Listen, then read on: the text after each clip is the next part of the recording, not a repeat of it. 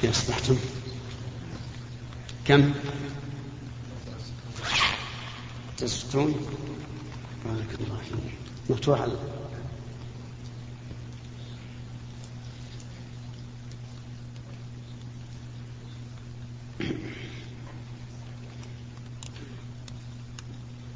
الحمد لله رب العالمين. وأصلي وأسلم على نبينا محمد خاتم النبيين وإمام المتقين. وعلى آله وأصحابه ومن تبعهم بإحسان إلى يوم الدين. أما بعد فهذا هو اللقاء التاسع والستون بعد المئة من اللقاءات التي يعبر عنها باللقاء المفتوح. لقاء الباب المفتوح التي نسأل الله تبارك وتعالى أن يجعل فيها الخير والبركة وهي تتم في كل يوم خميس. وهذا الخميس هو السادس من شهر رجب عام ثمانية عشر وأربعمائة وألف. وقبل أن نبدأ بموضوع الدرس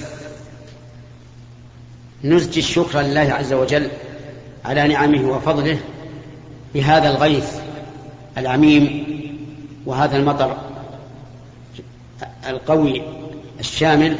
ونسأل الله تعالى أن يجعل فيه الخير والبركة وأن يغيث القلوب بالعلم والإيمان. إنه على كل شيء قدير. موضوع اللقاء في هذا اليوم هو الكلام ما تيسر على آيات من سورة النجم. انتهينا فيما سبق إلى قول الله تبارك وتعالى لقد رأى من آيات ربه الكبرى. فلما بين الله سبحانه وتعالى ما رآه النبي صلى الله عليه وسلم من آيات ربه العظيمة في الآفاق قال أفرأيتم اللات والعزى وهذا الاستفهام للتحقير. والانحطاط أي انحطاط رتبة هذه الأصنام التي ذكرها الله عز وجل. يعني أخبروني بعد أن سمعتم من آيات الله الكبرى ما سمعتم أخبروني عن شأن هذه الأصنام. ما قيمتها؟ ما مرتبتها ما عزتها؟ أفرأيتم اللات والعزى ومنات الثالثة الأخرى؟ ثلاثة أصنام مشهورة عند العرب يعبدونها من دون الله يخضعون لها كما يخضعون لله ويتقربون إليها كما يتقربون لله عز وجل. ومع ذلك هم يعتقدون أنها لا تنفعهم عند الشدة. إذا ركبوا في الفلك دعوا الله مخلصين له الدين وعلموا أنه لا ينجيهم من هذه الشدة إلا رب العالمين لكن الشيطان سول لهم وأملى لهم في عبادة هذه الأصنام التي يدعون أنها تقربهم من الله تعالى. كما قال الله عنهم ما ما نعبدهم إلا ليقربونا إلى الله زلفى ولكنها في الحقيقة لا تقربهم إلى الله بل تبعدهم منه. أفرأيتم اللات والعزى ومناة الثالثة الثالثة بالنسبة للثنتين قبلها الأخرى يعني المتأخرة. وكأنها والله أعلم دون اللات والعزى في المرتبة عند العرب. ثم قال تعالى منكرا على هؤلاء المشركين ألكم الذكر وله الأنثى. يعني أتجعلون, أتجعلون لكم الذكور ولله الإناث؟ وذلك في قولهم إن الملائكة بنات الله. وهم لم يشهدوا خلق الملائكة ولم يطلعوا على ذلك. كما قال الله تعالى وجعلوا الملائكة الذين هم عباد الرحمن إناثا. أشهدوا خلقهم؟ والجواب؟ جواب لا لم يشهدوا خلقهم. لكن مع ذلك ستكتب هذه الشهادة عليهم ستكتب شهادتهم ويسألون. نسأل الله العافية. هم إذا بشر أحدهم بالأنثى ماذا يصنع؟ ظل وجهه مسودا وهو كظيم يتوارى من القوم من سوء ما بشر به. ومع ذلك يجعلون لرب العالمين الذي خلق الذكر والأنثى يجعلون له البنات ويجعلون لأنفسهم البنين. هل هذه القسمة قسمة عدل أو قسمة جور؟ اسمع الجواب تلك إذا قسمة ضيزة. يعني تلك القسمة وهي أن يجعلوا الله البنات ولهم البنين قسمة ضيزة أي جائرة مائلة عن الحق. لأننا لو قلنا بأنه جائز أن يكون لله ولد لكان الأولى أن يكون له أن يكون له البنون. لأن البنين أعلى من البنات بلا شك وهو سبحانه وتعالى أعلى من المخلوقين. فيجب أن يكون الأعلى للأعلى والأدنى للأدنى. هذه القسمة العادلة. ثم هناك قسمة أخرى دونها في العدل لكنها فيها عدل. أن يجعلوا لله البنات ولهم بنات ولله بنين ولهم بنين. لكن ما فعلوا هذا؟ جعلوا الأدنى للخالق والأعلى لهم. ولهذا قال عز وجل تلك إذا قسمة ضيزى. ثم عاد الله عز وجل إلى بيان حقيقة هذه الأصنام المعبودة فقال إن هي إلا أسماء سميتموها. إن هنا نافية بمعنى ما. وهذا ضابط ينتفع به طالب العلم أنه إذا أتت إلا مثبتة بعد إن فإن هنا تكون آه تكون نافية. مثل إن هذا إلا بشر. إن هذا إلا مجتهد وما أشبه ذلك. فإن هنا نافية بمعنى ما. ما هي إلا أسماء سميتموها. يعني ما هذه الأصنام إلا مجرد أسماء لا حقيقة لها. أسماء سموها إله سموها معبودا ولكنه لا حقيقة لذلك. ما هي إلا مجرد أسماء؟ وهل الاسم يدل على مسماه؟ لا.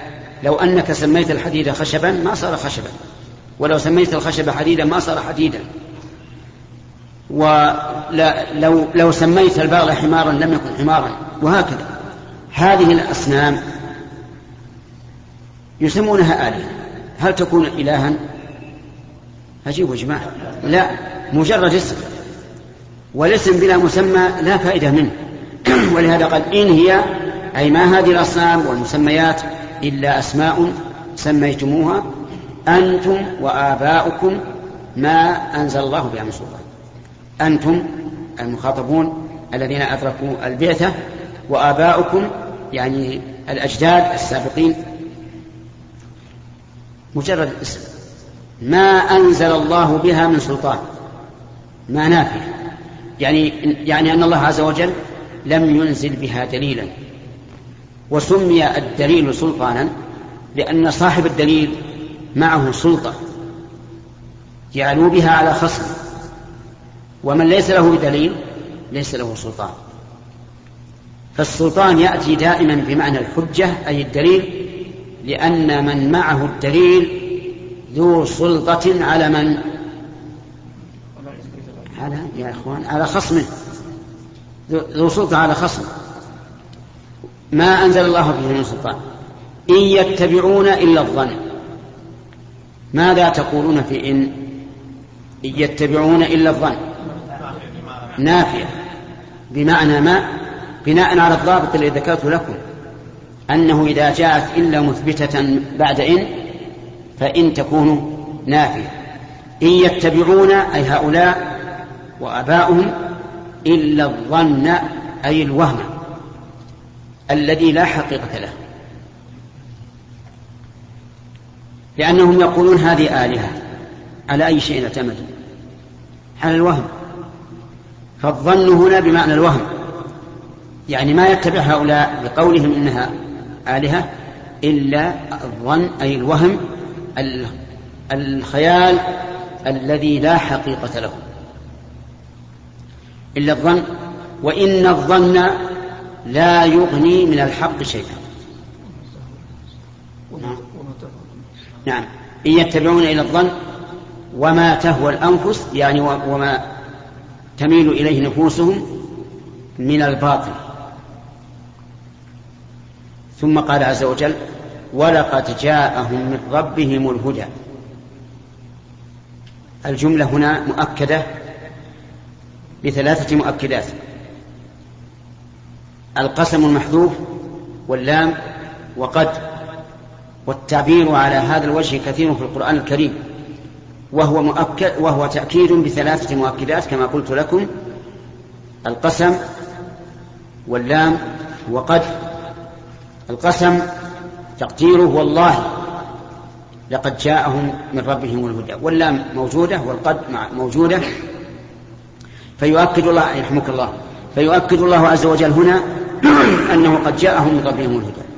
وفي قوله ولقد جاءهم من ربهم ولم يقل من الله إشارة إلى أنه لا يجوز تلقي الشريعة إلا من عند الله لأن الله سبحانه وتعالى هو الرب والرب هو الخالق المالك المدبر. الهدى فاعل جاء والمراد به العلم. المقابل بقوله بقوله إن يتبعون إلا الظن. هم يتبعون الظن والعلم جاء من عند الله. ولقد جاءهم من ربهم الهدى أي العلم على لسان من؟ على لسان رسله عليهم الصلاة والسلام الذين ختموا بالنبي صلى الله عليه وعلى آله وسلم. أم للإنسان ما تمنى؟ أم هنا منقطعة؟ لأنها تأتي منقطعة وتأتي متصلة. إذا كان هناك مقابل فهي متصلة وإذا لم يكن مقابل فهي منقطعة. فإذا قلت أعندك زيد أم عمر فهي متصلة. وإذا قلت في مثل هذا الآية أم للإنسان ما تمنى فهي بمعنى بل. بمعنى بل وهمزة الاستفهام. يعني بل أللإنسان ما تمنى. والاستفهام هنا للإنكار والنفي. أي ليس للإنسان ما تمنى. كم يتمنى الإنسان من شيء ولكن لا يحصل لأن هناك مدبرا وهو الله عز وجل. فليس للإنسان ما تمنى. إشارة لأي شيء؟ إشارة إلى رد صنيع هؤلاء المشركين الذين يعبدون أصنام يقولون إنها تقربهم إلى الله. فهل لهم ذلك؟ أجاب ليس لهم ذلك. ما تقربهم.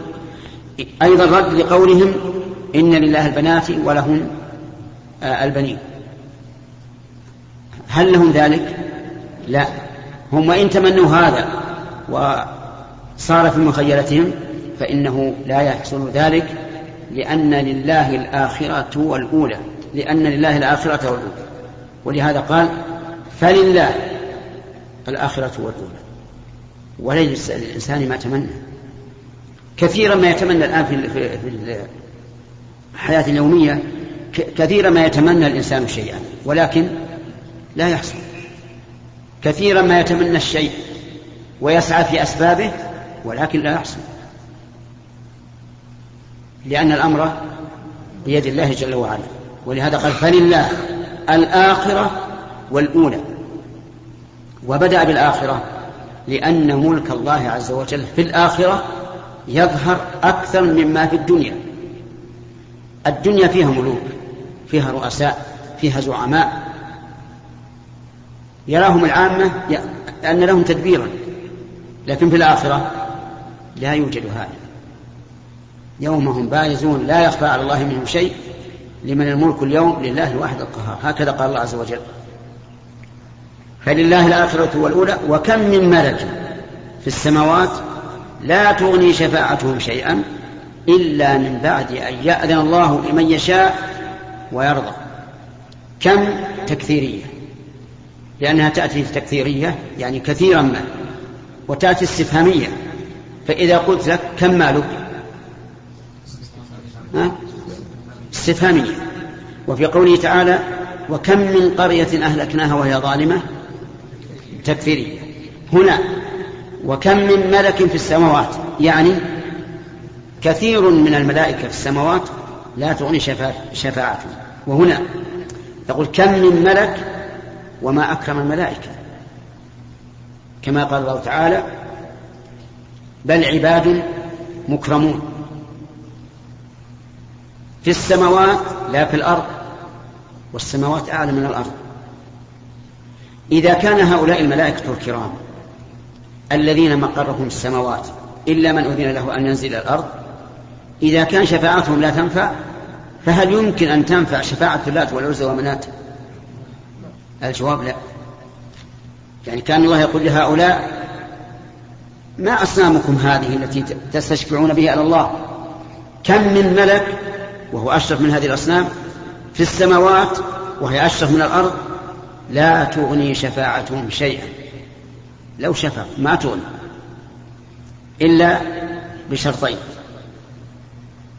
إلا أن يأذن الله لمن يشاء من الملائكة أن يشفع فيشفع ويرضى أن يرضى عن المشفوع له يرضى عن المشفوع له وكذلك عن الشافع لأنه لا يمكن أن يأذن للشافع إلا بعد أن يرضى عنه ولا بد أن يرضى عن المشفوع له. وإلا فلا تنفع الشفاعة كما قال عز وجل ولا يشفعون إلا لمن ارتضى فأصنامكم هذه لن تفعل ولن يقبل الله ولن يقبل الله شفاعتها.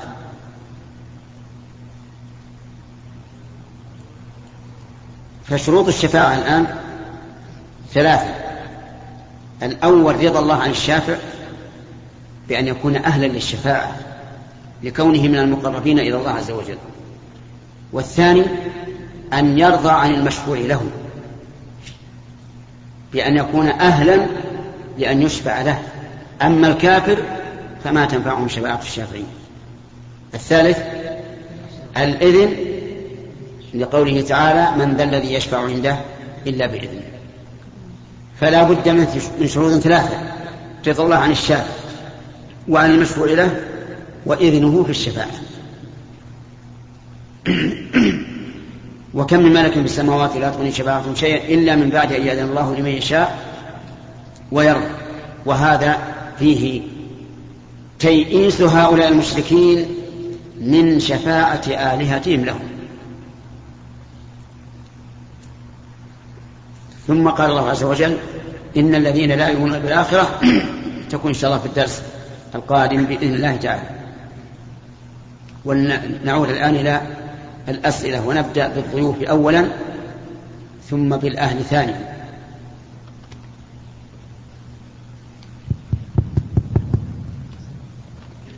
اليمين. الضيوف الضيوف. أنتم هنا ولا؟ عندك. بسم الله الرحمن الرحيم. فضيلة الشيخ آه، استلف رجل مالا من آخر مقابل أن يأخذ نصف الربح الذي سيصيبه المدين. فهل هذا الأمر جائز؟ الذي سيصيبه المدين المدين. فهل هذا الأمر جائز؟ بارك الله فيكم. يعني رجل استلف من شخص مالا يتجر به على أن يكون للمقرض نصف الربح. هذا حرام ولا يجوز؟ لا يجوز. لأن القاعدة المقررة عند أهل العلم أن كل قرض جر منفعة فهو فهو ربا. لكن خير من ذلك أن يقول خذ هذا المال اتجر به ولكن نصف ربحه أفهمت؟ طيب. إذا قال قائل ما الفرق بين هذا وهذا؟ الآن فهمنا أنه لو أقرضه عشرة آلاف ريال وقل هذه عشرة آلاف ريال قرضا على أن لي نصف الربح. الجواب حرام ولا حلال؟ حرام. حرام. لأنه قرض جراء نفع طيب. لو قال خذ عشرة آلاف اتجر بها ولك نصف الربح. حلال. ما الفرق؟ الفرق أنه في القرض لو خسر المال تكون خسر على من؟ على المدين. لأنه استقرض عشرة آلاف وثبت في ذمة عشرة آلاف. لكن في مسألة المضاربة إذا قال خذ عشرة آلاف اتجر بها ولك نصف الربح. إذا إذا خسر المال أو تلف على من؟ لا. على لا يا إخواني. على المضارب. على المضارب اللي دفع المال.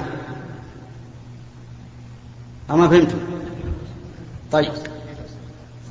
ما في تفصيل لهذا اللي قلت. آه، رجل أقرض مالا عشرة آلاف ريال وقال اتجر به ولي نصف الربح. اتجر الرجل في المال وخسر أو تلف. من يضمن العشرة؟ نفس المقترض. المقترض. سلم عشرة الذي أقرضه. المسألة الثانية أعطاه عشرة آلاف قال خذ هذه عشرة آلاف مضاربة. اتجر بها. ولكن نصف الربح ثم إن الله قدر على هذا المال واحترق من عليه؟ على من يكون؟